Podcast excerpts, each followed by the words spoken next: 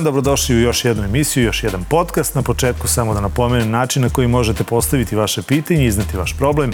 Tu je Viber broj 069 893 0023, Facebook, X i Instagram mreža Pitajte Đuru ili vaše pitanje šaljite sa što više informacije u njima, tako je lakše doći do odgovora na e-mail adresu pitajteđuru.nova.rs.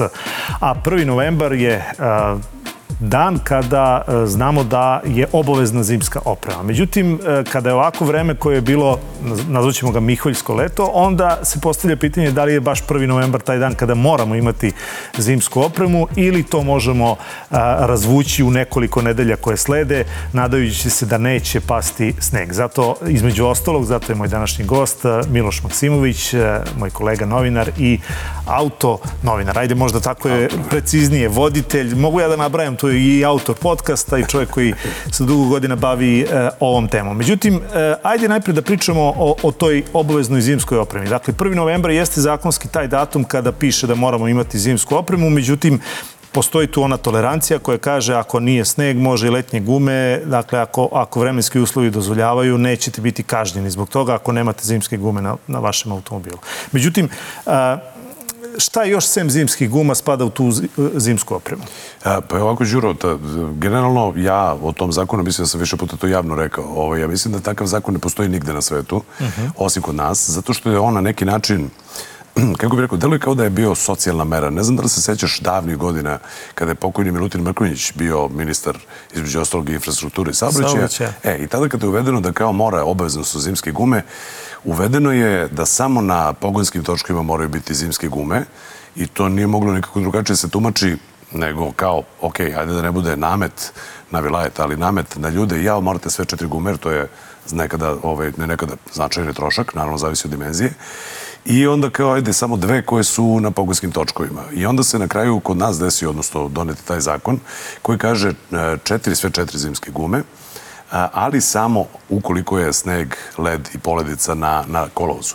To je pomalo čudno. Ove, generalno, zimska guma u odnosu na, na letnju se razlikuje pre svega po, ne samo po šari, nego i po smesi od koje je napravljena.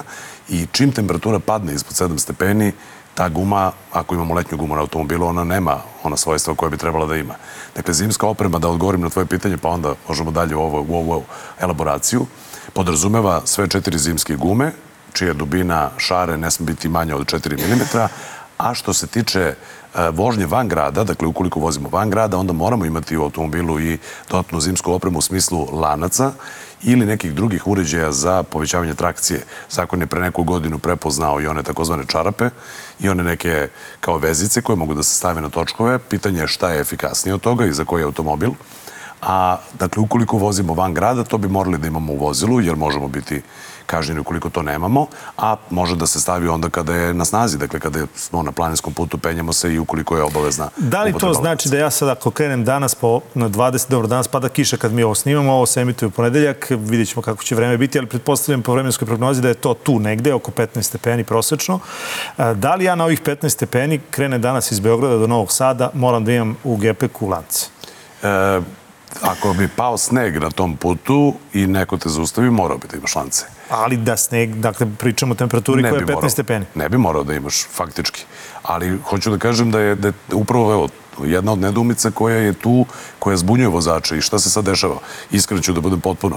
Dakle, mi ovo snimamo par dana prema što će biti emitovano. Ja još nisam stavio na moj automobil zimske gume. Imam ih u zimovniku, ovaj, ali ih nisam stavio zato što uslovi nisu takvi i još uvijek nije pala temperatura. Mislim da je jutros bilo recimo 18 čak stepeni, bilo je čudno vreme u Beogradu, duvo je vetar i bilo je nekako, jako duvo vetar, bilo je, bilo je toplo. A, s jedne strane to može da se posmatra kao, upa, dobro, nisam morao da stavim zimske gume i ide sve toplije vreme. Generalno... Ali sad policija me zaustavi i kaže e, zimska oprema kontrola. I ja nemam ni čarape, ni one vezice, ni, nemam ni zimske gume, nemam ni, ni lance. Teoretski ja mislim da bi mogla da te kazni ukoliko bi se tero makne konac, ali ako nema snega na putu, nema poledice, uvek je, verujem da vozač može da kaže, pa ali vidite, nisu zimski Ček, ti hoćeš da mi kažeš da zakon nije precizan i da on može da se tumači e, i ovako i onako? Meni sama ta činjenica da kao morate imati zimske gume ako ima leda i snega i poledice, je samo po sebi neprecizan. Ok, to je znači rupa u zakonu, definitivno. Ja mislim da jeste, zato što, evo ovako, primjer radi, neka je tri stepena u Beogradu, neka je sad januar i mi se vozimo ovaj, po gradu i ja nisam stavio zimske gume. Ta guma ne koči kao što treba da koči zimska guma. Da, Ona to je jasno, njena karakteristika nije takva da je Tako je. ista kao, kao Tako je. zimska guma. Pritom treba da znaš da, a verujem da znaš, da kada se desi udes, ona, onaj vozač koji nije imao zimske gume na svom vozilu može biti odgovoran za svu štetu koja nekada može bude više milijonska. I o tome ćemo pričati, Može. ali, ali ajde da se vratimo, ovo ne smije da, da mi promakne. Uh, upravo sam to htio da te pitam. Dakle, lanci znamo svi kako izgledaju, ali međutim sad na tržištu ima i tih čarapa, pa ima onih nekih vezica, plastičnih, polo, polulanac, poluplastika. Dakle, dosta toga se nudi. e, Da li to spada u zimsku opremu? Da li ja, ako nemam lance, krenuo sam na koponik, pao je sneg, stavim onu čarapu, pitanje je hoću li se ja s ovom čarapom popeti na koponik, ali da li je to zimska oprema? Ona se računa, zakon je prepoznao to pre nekog vremena da to može da bude zamena. Dakle, e, ili lanci ili drugi uređaj za povećanje trakcije. Tako se to, tako se to tumači. I Iako taj drugi uređaj za povećanje trakcije ne može da se poredi s lancima. Neko se ne bi složio s tobom. Nekad su čarape efikasnije. I Dobro. još jedna važna stvar za sve vozače koji nas gledaju. e, Ne može svako vozilo, naročito o 4x4 vozilima govorimo, e, ne može svako vozilo da ima monti- montiranje lanaca recimo na pogonskim točkovima, odnosno na prednjim, koji su češće e, i kod 4x4 vozila češće su oni koji su stalno pogonski, a pogon se ponekad prenosi i pozadi. Primera radi, određeni modeli recimo Nissana, piše uputstvo i zato je savjet za sve vozače da pogledaju pre nego što montiraju lance i ja sam u jednom videoklipu i objasnio da bi trebalo da provežbaju takođe postavljanje lanaca na suvom kada su uslovi idealni, da vide kako to ide, prosto zato što kad dođemo u situaciju u sred noći na nekoj planini da treba da postavimo lance, to nikada nismo radili, boga mi će Teško da biti će. teško. Ali čekaj, nije mi baš ovo najjasnije, dakle nisam baš dobro razumeo. Um, za 4x4 vozila. određena 4x4 vozila zbog svoje konstrukcije i odnosno načina kako se, kako se pogone ti točkovi, e, konstruk, konstrukcijskih prosto rečenja, e, rešenja ne mogu, neka od njih ne mogu imati lance montirane na sebi. I to mora da čovjek Ni da na proveri. jednom, ni na prednjim, ni na, ni na Pa zadnjim moglo bi točkama. na zadnjim, ali a, treba, Zašto? treba proveriti uputstvo. Prosto konstrukcija e, tog načina a, dolaska, kako Pitam bi te rekao, zato što mene to interesuje, imam 4x4, pa mi nije jasno Proveri sad. uputstvo. Proveri uputstvo. A, recimo, ja sam proverio na mom autu, znaš da vozim ja 4x4 vozilo, ja sam proverio, a, na njemu može, a ne može ako ima recimo 20-ice. Tada se ne preporučuje, ne, veća felna, veća, 20 veća inča, točka. dobro. 20 inča, tada se recimo ne preporučuje. Zato što prosto a, lanac sam po sebi, on, da, zategne se na gumu koliko god može, međutim tu može nešto da se otegne, može da se uplete oko određenih elemenata koji daju, dakle, snagu točku, odnosno polosu Znači, da za, problem. za vlasnike vozila 4x4 samo dobre zimske gume. i dobre zimske gume i lanci jer su obavezni, ali proverite da li smete da ih stavite. To piše u uputstvu. Nema mnogo vozila koje ne smiju. Nema mnogo vozila, to treba da znamo. Nema mnogo vozila koje ne smiju, ali proverite uputstvo. Svakako, kao inače, kao i svi ostali ljudi, ne samo u Srbiji, ali na planeti, uputstvo čitamo tek kad nešto pođe po zlu. Ali pročitajte uputstvo vašeg vozila. Još samo malo o lancima. Dakle, da li postoje neki lanci koje se jednostavnije stavljaju nego one na koje smo navikli kad su naši roditelji stavljali lanci? Ja sam gledao da to traje. traje. Postoje, ako sam dobro upoznat, postoji nešto što je između tih vezica i lanaca, koji samo, klasičnih lanaca, koje samo mogu da se stave Na na, određene. Pa da, na klik na određene delove gume da bi povećali trakciju. I moram da priznam sada potpuno ovaj, otvoreno da ja kada sam snimao taj video kako se stavljaju lanci, trebalo mi boga mi, vremena Možda je trebalo video da se zove to. kako se ne stavljaju lanci. Kako se ne stavljaju lanci. A, ajmo da se vratimo na gume. Dakle, da pojasnimo ljudima koliko je bitna zimska guma zbog svojih karakteristika. Ne, naravno, kad padne sneg i kad je led, to znamo svi da, da je neminovnost da, da sa automobilom koji ima letnje gume ne treba ni pomerati takav automobil. Pogotovo ako ima zadnju vuču. Um, ali, dakle, šta je ono što je najbitnije da ljudi znaju zašto je Dakle, da nije ovaj socijalni moment kojeg smo pominjali ovaj, i udar na, na naše budžete, nego da je tu na prvom mjestu bezbednost. Tako je, na prvom mjestu bezbednost, jer jednostavno, ajde krenemo, krenut ćemo opet od e, smese od kog je napravljena ta, ta guma. Dakle, razlikuje se zimska i letnja guma, pre svega po tome od čega je ona napravljena i njene karakteristike upravo je granična temperatura 7 stepeni. Čim padne temperatura ispod 7 stepeni, mi možemo imati sunčan dan bez leda, snega i poledice. Međutim, ukoliko recimo minus 10, nema ništa na, na kolovozu, a mi imamo letnju gumu, naš kočirni put, zaustavni put, ponašanje gume u krivini, ako imamo letnju gumu, naprosto nije isto nego uh, kao kada bismo imali zimsku. Zimska je jednostavno, uh, narodski rečeno, mekša i ona kada pade temperatura ispod 7 stepeni, ona i dalje zadržava svoje karakteristike koliko toliko optimalne da možemo da upravljamo vozilom. Ako imamo letnju gumu, ona se jednostavno stegne mnogo više nego, nego zimska, ispod 7 stepeni to više nije bezbedno. E, kad smo već kod smese i temperature, treba da kažem da ne postoji zakon koji kaže a leti morate imate letnje gume. Ima ljudi koji često zimske gume koje kao, ma valjuju mi za još malo, vozio sam ih već četiri sezone, ostavi ih na vozilu i preko leta. To zakon ne brani, ali takođe nije do kraja bezbedno, zato što je ona jeli, mnogo mekša, na plus 30, plus 40, koliko već na asfaltu može bude i plus 50 stepeni. I mi sada vozimo recimo zimsku gumu, ona se drugačije uvija, drugačije se ponaša nego prava letnja guma.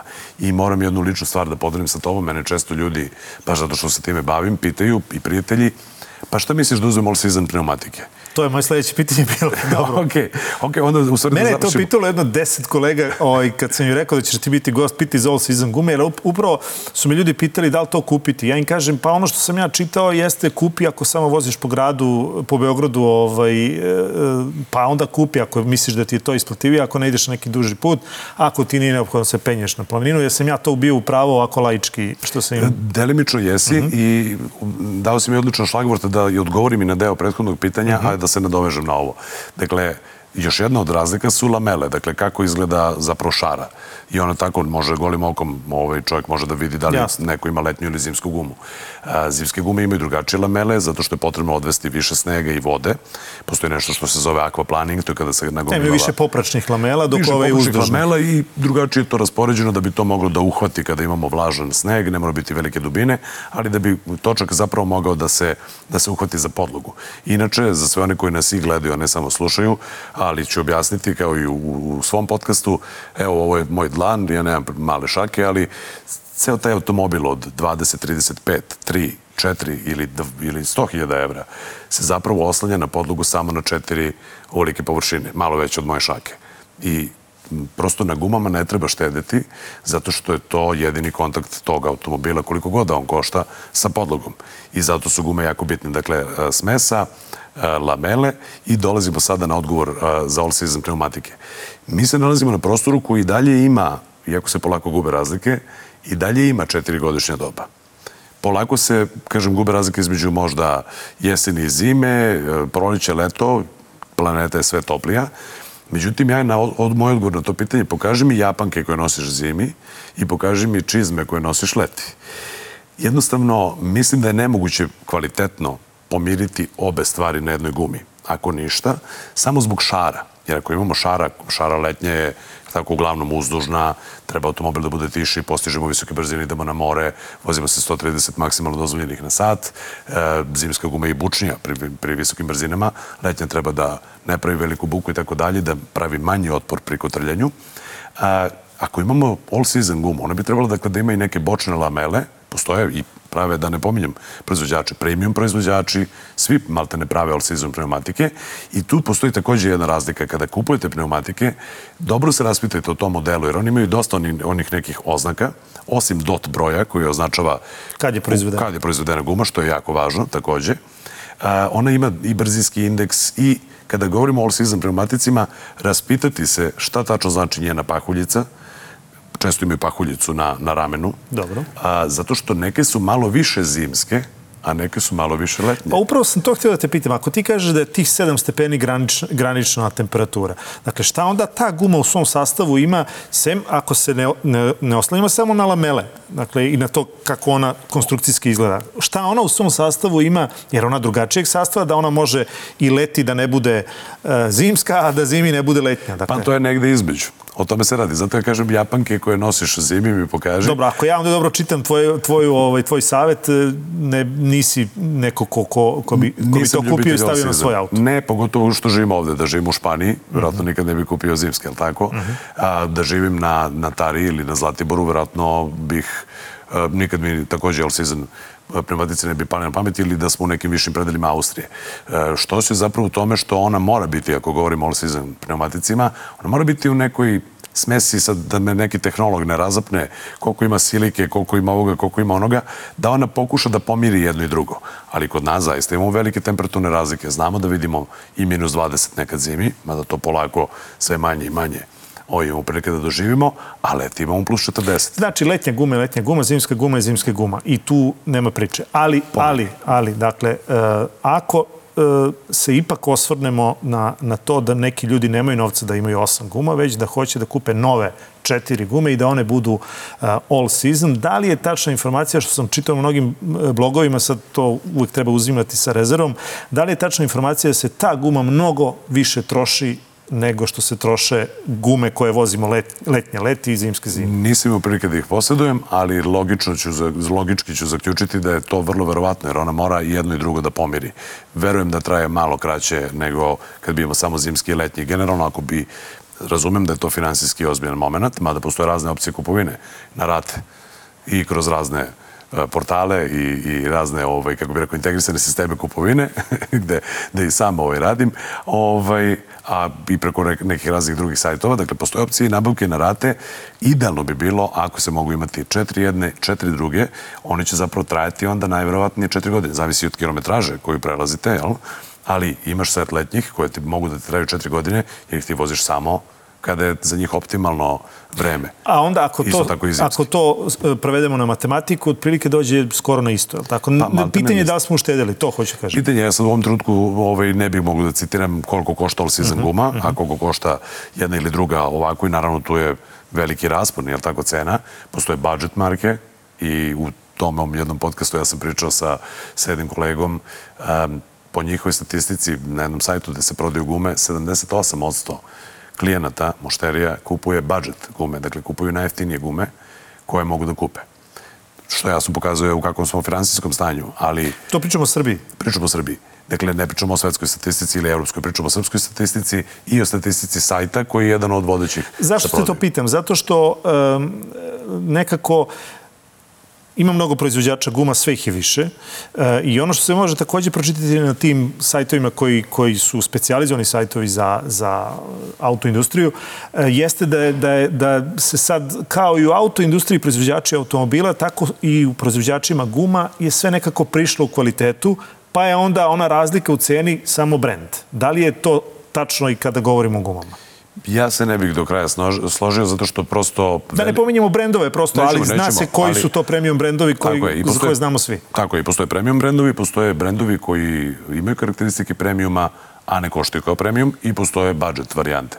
Ja sam se recimo iznenadio, jedan moj kolega, ovaj, čovjek koji radi za kamere, je kupio, ja sam ga poslao, nećemo pominjati brende, da kupi jedan određeni srednji nivo, pritom je za savet. On je kupio neke gume za koje sam ja prvi put čuo u životu I ja sam ga pitao zašto. Pritom čovjek redovno ide na planinu. Zašto? On kaže, pa nisu imali ove, a rekao mi prodavac, ove se najviše kupuju. Ja mu kažem, ali dobro, ti onda nisi gledao i slušao ovaj podcast, gde je statistika naša je takva da kupujemo ono što nam je najpristupačnije, nažalost. Uh mhm. -huh. Hoću da kažem, mislim da to ne može i dalje da stoji, zato što te velike kompanije, premium brendovi su zaista kroz dugi niz godina svojim postojanjem ulaganjem u razvoj došli do nekih optimalnih rezultata. I sad se jedan put pojavljuje nešto što je, kako bih rekao, možda i novi proizvođač, ne kažem da neko može da pravi katastrofalno lošu gumu, vratno bi morao da nestane sa tržišta jer bi bilo mnogo e, pritužbi od, e, od mušneri i tako dalje, ali da je isto, pa ne može biti isto. I kad kupiš automobil, je isto ako kupiš onaj premium brand koji košta četvorostruko možda više nego onaj jedan drugi. Prosto, ok, jedna stvar je plaćati taj badge i imidž, ali tehnološka rešenja u smislu aktivne, pasivne bezbednosti nisu iste. Da li to onda znači da, recimo, ako određena kompanija, evo, najpoznatija u proizvođačima guma, kupi drugu kompaniju koja je naša najproz... najpoznatija, Dobro. da, da se ona neće brukati pa reći, ok, mi smo ovo kupili, ali e, utičemo na, na kvalitet te gume, ona jeste naj, nekako vozi većina e, ljudi u Srbiji, ali e, da li to znači ako, ako je to pod grupa određene grupacije, da to samim tim nosi i određenu vrstu kvaliteta i kontrole tog kvaliteta? Ja upravo tako razmišljam i mislim da potpuno znam o čemu se radi i mnogo mi se sviđa kako vešto voziš između brendova, kao da imaš, kao da imaš zimske ovaj, gume pa imaš dobru trakciju, ali e, konkretno taj brend i taj veliki proizvođač, e, ne znam da li si to primetio u zadnjih nekoliko godina, oni kad su lansirali lansirali tu jednu zimsku gumu, ona je bila bukvalno bestseller. Međutim, ona posle par godina više nije mogla da se kupi u Srbiji, jer se ona samo izvozi. i kad dođeš kod prodavca, on kaže, a, to sve ide za Britaniju i ne znam nija gde, pa se onda posle lansirala druga neka verzija, malo se drugačije zove, zimske gume za naše tržište. Ja mislim upravo da, da time kada stoji velika kuća iza toga i kupi našu kuću, da onda dolazi upravo i ta kontrola, zato što te velike kuće ne mogu da se igraju baš Dobar sa time mi- da, da, da, da puste da te, tek tako to ide. Ne kažem da je ta kompanija bila loša, ali verujem da je proces kontrole ozbiljniji. Dobar si mi uvod napravio za sledeće pitanje, a to je, ako na gumi piše Made in Germany i Made in Poland, isti proizvođač, da li to znači da je ova za Poljsku ili, aj sad uhvatio sam se Poljske, jer sam to viđao često, ali recimo neka je i Rumunija. I istočno zapadno tržište. Jesmo li vozimo li istu gumu sa istim, istom šarom, istim imenom, sve piše isto, sem toga gde je proizvedena, da li to i dalje stoji da je ovde za nas lošije? Ja to ne mogu da tvrdim. Ja sam inače dugo bio kontraš u tom smislu da tvrdim da nemoguće da to ozbiljne firme rade. Ok, postoje treća tržišta, međutim, demantovan sam, ne mogu ja to da dokažem i da nas neko ne bi sada, jeli, ovaj, na stup srama ovaj, razapeo i okačio. A, kako krenemo od e, hrane za bebe, što sam imao prilike da vidim lično, razlika u boji, nešto što je kupljeno u Nemačkoj, nešto što je kupljeno ovde ranijih godina, pa do toga da li određeni keks koji se pravi u Nemačkoj za druga tržišta, istočno-evropska, ima zapravo drugačije, ima palmino ulje, a nema zapravo puter i tako dalje. E, verujem da postoji razlika, ali opet verujem da nije tolika, nego se radi o nekim procentima, zato što kažem, mislim da ti veliki proizvođači ne mogu da se igraju sa tim e, eventualnim tužbama, pod jedan.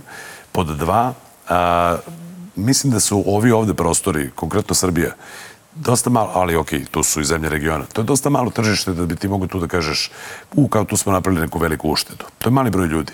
Konkretno ovde u ovoj zemlji neke određene marke automobila koje su bile ovde, zvanično, više ne postoje zvanično, nego rade to preko podizvođača, jer se u Srbiji godišnje proda, konkretno govorimo o jednom premium brendu, proda se a, a, toliko automobila koliko se proda u predgrađu Frankfurta. I nemaju potrebe da imaju ovde svoje ljude sa svojim platama, jer to radi neki podizvođač za njih, zato što je, nije ista plata ako radi neko ko je samo franšizer, a, a, a ili radiš ti kao kompanija koja je prisutna na ovom tržištu. E, još dva pitanja tiču se guma. Dakle, DOT, pomenuli smo ga. To je, e, piše na svakoj gumi za one ljude koji ne znaju, pretpostavljam da svi znaju. Dakle, bitno je da to znamo. To je godina, mesec, stvari nedelja, Nedelja pa onda godina. godina proizvodnje gume. E sad, pitanje je sledeće. Vrlo često se ostane neki lager i to se spusti cena za nekih 20-30% i kaže gume sa starim dotom. Šta to znači? Negde sam čitao da um, nema veze ako je guma do 5 godina, ako je pravilno skladištena, da to nema nikakve veze što vi kupujete gumu koja je stara 5 godina, ako je ona nova u smislu da nije vožena. Ima li to veze ili nema veze? Upravo si pomenuo graničnu ovaj vrednost, odnosno pet godina bi trebalo da bude inače rok. E, ja sam, primjera radi, e, porodično ovaj, bio u nabavci jednog vozila, koje je polovno došlo, vozilo staro 10 godina i kao, ja vidi premium brand gume na njemu, međutim kad sam pogledao DOT, brže bolje sam krenuo odmah da u kupovinu guma, zato što je ta guma na automobilu, ona lepo izgleda, auto nije mnogo vožen, šara dobra, međutim guma stara 8 godina. A, pet godina je neka granična vrednost. Vodu flaširanu da ostaviš pet godina u podrumu ili da ostaviš na suncu, ovaj, ona će svakako promeniti svoje hemijske vrednosti, a kamoli guma. Pogotovo pitanje kako je skladištena, pošto i tu postoji način kako bi one trebalo idealno da se drže. Ajde pojasnimo ljudima kako, kako treba da skladište gume. E, Idealno bi bilo, ukoliko ima, ima sredstava, da da vise, zamenski, set, zamenski set guma da, da, da imaju svoje felne, dakle da imaju svoje naplatke i da Dobro. budu na njima. I onda, pošto je li to ima ru- rupu u sredini, da to stoji na jednoj motki, odnosno da bude na jednom štapu, da nemaju kontakt sa podlogom. Mhm. Ukoliko moraju da stoje na zemlji, idealno je da budu položene na rame i ne više od dve, jedan na drugoj. Dakle, ne da stavimo sve četiri, jer će ona dole da Strada. ipak malo da trpi. Ima čak i kada imaš automobil koji recimo voziš, ne voziš ga često, kao to ti je primjerak ili ga voziš samo nedeljom, ovaj, kao nešto baba vozi u Nemačkoj samo do crkve i samo nedeljom, i, i on bi valjalo da se pomera ili da se odigne ukoliko se ne vozi češće ovaj, ovaj, od par puta godišnje, da bi se prosto gume da mu ne bi ulegle. idealno je, dakle, ako imamo gume na felnama, da budu sa tim štapom ili da na neki način vise, bez uticaja sunca, UV zračenje može jako da utiče na njih, ne bi trebalo da bude neka velika Sunce ili svetlosti? Svetlosti, pre svega se misli na sunčevu svetlost, ova svetlost ne emituje Ne, ne, ali a recimo ako je u nekoj prostoriji koja ima dnevnu svetlost, ali nije pod direktnim udarom sunca, da li to znači isto što i Nisam do kraja stručnjak za UV spektar, ali ovaj, generalno UV. znači u tamnom? Pa u Ako tamnom. se pokrije sa nečim? Mislim da to može da pomogne, ali ne bi trebalo da bude opet pod utiskom, pod uh, uticajem temperature. Neko može da ih pokrije, pa tu recimo sija sunce nekoliko sati dnevno, pa ga malo više greje, tako dalje. Dakle, idealno tamno mesto, da ne bude uh, vlažno, naravno podrumi su specifični, ali ako može da ne bude vlažno i ako može tako da visi i da bude na felni, onda super. Uh, još jedna tema koja e, vrlo često takođe izaziva nedoumice da li je tačno, nije tačno, zato što, nažalost, živimo u državi gde u sve moramo sumnjati, pa onda i u to. Kvalitet cene goriva. Dakle, mi imamo unazad, mislim, od 2019, ako se ne varam, 2018. zakon po kom, dakle, sve, sve, svi uznici, sve pumpe moraju da imaju to testiranje i, i oni kažu, država bar tako kaže, da je kvalitet goriva na svim našim pumpama ujednačen i da tu nema, nemamo šta da brinemo. Međutim, vozače, od vozača uvek možete čuti ja kad cipam na ovoj, auto leti. Kad cipam na ovoj, čuju se ventili. Ja mislim da su to subjektivni utisci, mm -hmm. zato što u jednom trenutku, nakon demokratskih promjena, davno, davno, je recimo uveden propis, odnosno morala je sva, sva, sav eurodizel koji se sipao u Srbiji je morao da bude prerađen u rafineriju Pančevo. I prema tome to je onda samo razlika u tome ko šta aditivira. Nisam do kraja u temi, zato što se prosto kvalitetom goriva ne bavim, jer ne samo da nisam stručan, mislim da bi tu morao Jugo Inspekt ili neko drugi da, da se bavi time, a opet neke druge kolege iz branše redovno se bave tim nekim analizama, pa to možemo da pogledamo. Tako da moram diplomatski da izbegnem odgovor na to pitanje, zato što se ne razumem dovoljno, ali imam svoju omiljenu kompaniju gde sipam, ali u razgovoru sa taksistima, sa prijateljima, upravo srećem ovaj, slične slično što, da, slične mm -hmm. akcije. Ja kad cipam tamo i tamo, meni pređe 100 km više. Ja kad cipam tamo i tamo, meni auto ni nešto ucena tamo kad sam jednom sipao, ovaj, onda, onda mi nije bilo dobro. E, nisam siguran da li dalje na snazi to da mi i dalje moramo da imamo svi isti eurodizel, pa onda pitanje koga čime aditivira, eventualno.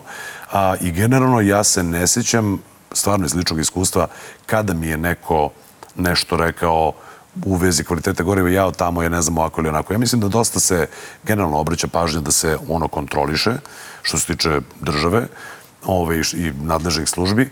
Kažem, ja imam ove, svoje, svoje preferite i tu biram znači, taj premium. A da li imaš informaciju, pošto sam imao i tu kontradiktorne ove, informacije, da li postoji gorivo u Srbiji koje nije prerađeno kod nas, već dolazi iz inostranstva? Dakle, pri, e, preoshodno mislim na Sloveniju i na Grčku.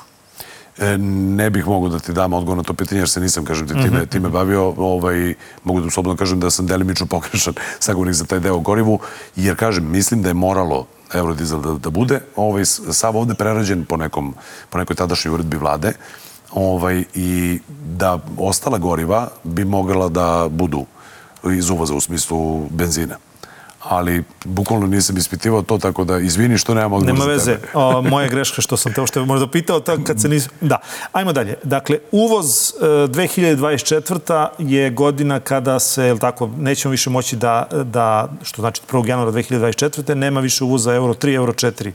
Tako bi trebalo da bude, da. Tako bi, ostavljaš neku mogućnost. Pa, pa ne, kod nas se uvek, kod nas se uvek ovaj, nešto desi u posljednjem trenutku. Trebalo bi da bude i ja mislim da će to da donese. Je onda to 2009. granična godina proizvodnja automobila otprilike? Pa recimo otprilike, ali treba biti oprezan. E, odnosno, može da se desi recimo i sledeća stvar. Naravno, ukoliko bi to e, bilo priznato prilikom uvoza. I ti imaš stara vozila u Nemačkoj koje, kojima je nadograđen, recimo sistem, govorimo o pojedinačnim slučajevima, ne Dobro. o nekoj širokoj akciji, gde su oni da bi pratili tamo ondašnje e, ekološke norme, određene dodatke stavljali u automobil, pa dobijali ovaj, dozvolu da i dalje ima grijune plakete, što se kaže da su zelenu naraknicu. A koliko to košta? Znaš otprilike? Nisam siguran, da. nisam siguran u Nemačkoj. Mislim, da li, pitam te to zato što je onda to, ako obesmišljava uvoz takvog automobila u smislu cene, da li će se to uopšte koristiti? Ne, ne govorim o tome da bi to neko mogao organizovano odavde da uradi tamo, jer je pitanje, kažem, da li bi ovde to uopšte bilo Jasno. priznato. Ali mislim da si u pravu, da je tu negde granična godi- godina oko 2009. Ja generalno mislim da je to dobro, zato što ja sam to mnogo puta rekao i, i na YouTube-u i gostujući možda i u nekim podcastima, dugme koje ja najčešće koristim u mom automobilu ličnom je dugme za unutrašnju cirkulaciju. Zato što, nažalost, imam ispred sebe često vozilo koje emituje oblak dima, oblak čađi i tu je prilično jasno da se radi o nekom automobilu koji najvjerojatnije neće moći da prođe strožije kontrole u budućnosti, strožije kontrole na tehničkom pregledu, da je vrlo verovatno skinut DPF, odnosno diesel particulate filter, da se petelo sa EGR ventilom Kako je taj prešao, prošao tehnički pregled? Pa to je pitanje. To je pitanje zato što i dalje kvalitet izduvnih gasova, ne znam da li si to do kraja upratio, poš, pooštrene su kontrole na tehničkim pregledima, ali recimo kako izgleda, ja sam bio, slučajno sam bio u Hrvatskoj pre nekoliko godina na tehničkom pregledu sa prijateljem i video da se tu ispituju i amortizeri i naravno kvalitet ispušnih plinova, tako što se stavi ovaj, onaj točir i tako dalje, e, to je kod njih mnogo, mnogo, govorimo o to neposrednim komšima, mnogo, mnogo ozbiljnija stvar. Znači, dok ne uđemo u Evropu, ne moramo da brinemo, možemo da vozimo i na ložu. Ja se nadam da neće to biti slučaj upravo zbog zdravlja svih nas, znaš, zato što dešavalo se da ljudi, često se dešava da ljudi kupe neko vozilo polovno i da nisu svesni da je neko pre njih skinuo određenu komponentu. O čemu se zapravo radi? Verujem da to znaš. DPF filter, diesel particulate filter je stvar koja postoji u izduvnoj grani vozila i on tu skuplja čestice čađi i on se prazni pod određenim uslovima. Dakle, kada automobil se vozi konstantnom brzinom na određenom broju obrtaja, to je neka duža vožnja autoputem, podigne se temperatura, automobil to I prepozna sagori te čestice. i sagori te čestice. Međutim, to nije što kažu perpetuum mobile. Da, da, nije on mora, beskrajno. on mora godinama da dođe do nekog začepljenja, odnosno mora da se održava. To je i u inostranstvu nešto skuplji, nešto skuplji zahvat i onda kad neko se obraduje, e, evo ga dizel sa 200.000 Ali nije to toliko km. skupo koliko je bilo na samom početku kad Tako je je, krenulo u gradnju. tako je, Dakle, to ne može se porediti. Mislim da je bilo oko 1000 evra, sad to već može da, da se kupi za 300, Pada, možda i, i nov. Tako je, ali ljudi Od to gledaju kao od modela trošak. do modela. Tako je, ali to pada i ljudi to gledaju kao trošak i, znaš, nekako im je... Ali to je trošak za 10 godina sledeći. Mislim, ako ćeš uopšte voziti taj automobil 10 godina. I za kraj još jedno pitanje. Dakle, da li će ova priča oko uh, Euro 3, Euro 4, zabrane uvoza, kako će se uh, preliti na tržište? Jer neki dan sam gledao jednu emisiju gde se kaže da, da ovi ljudi koji su uvezli za vreme korone uh, masu polovnih automobila iz zapadne Evrope, da, da stoje, da, da, maltene, ni- da, je, da je zasićeno tržište u Srbiji. Ja bi morao da se konsultujem sa, sa Mhm. kolegama ovaj, sa jednog drugog mesta da sam takođe aktivan e, za tačne podatke. Mm, Meni se iz subjektivnog utiska čini da nije nešto stalo, zato što se prosto vidim da bilo je bio veliki zastoj generalno zbog korone, pa je onda bilo šta možemo da uvezemo. Siguran sam da, da, da postoje što pitanje zato što znaš da je bilo zastoja u proizvodnji, pre svega novih vozila, zato što je i privreda stala svetska i transport, pa su čipovi bili problem, pa su bili problem rezervni delovi, pa su bili problem, bile problem razne komponente. Međutim, kao što je um, u mom jednom podcastu, je tako, ovaj, predsednica asocijacije uvoznika automobila negde nagovestila da se krajem ove godine u 2023. očekuje stabilizacija tržišta, ja mislim da se ona negde već i desila, zato što primećujem da kada pričamo o, o proizvođačima i ponudi novih automobila kod nas, sada više nema tih ja očekanja za određene stvari. Ima mnogo nekih automobila na stanju. Smanjili su se ti rokovi čekanja i mislim da je generalno, svesni smo svi da su generalno poskupili i polovnjaci i nova vozila, pa sam onda imao pitanje od prijatelja, pa kad će da pojeftini?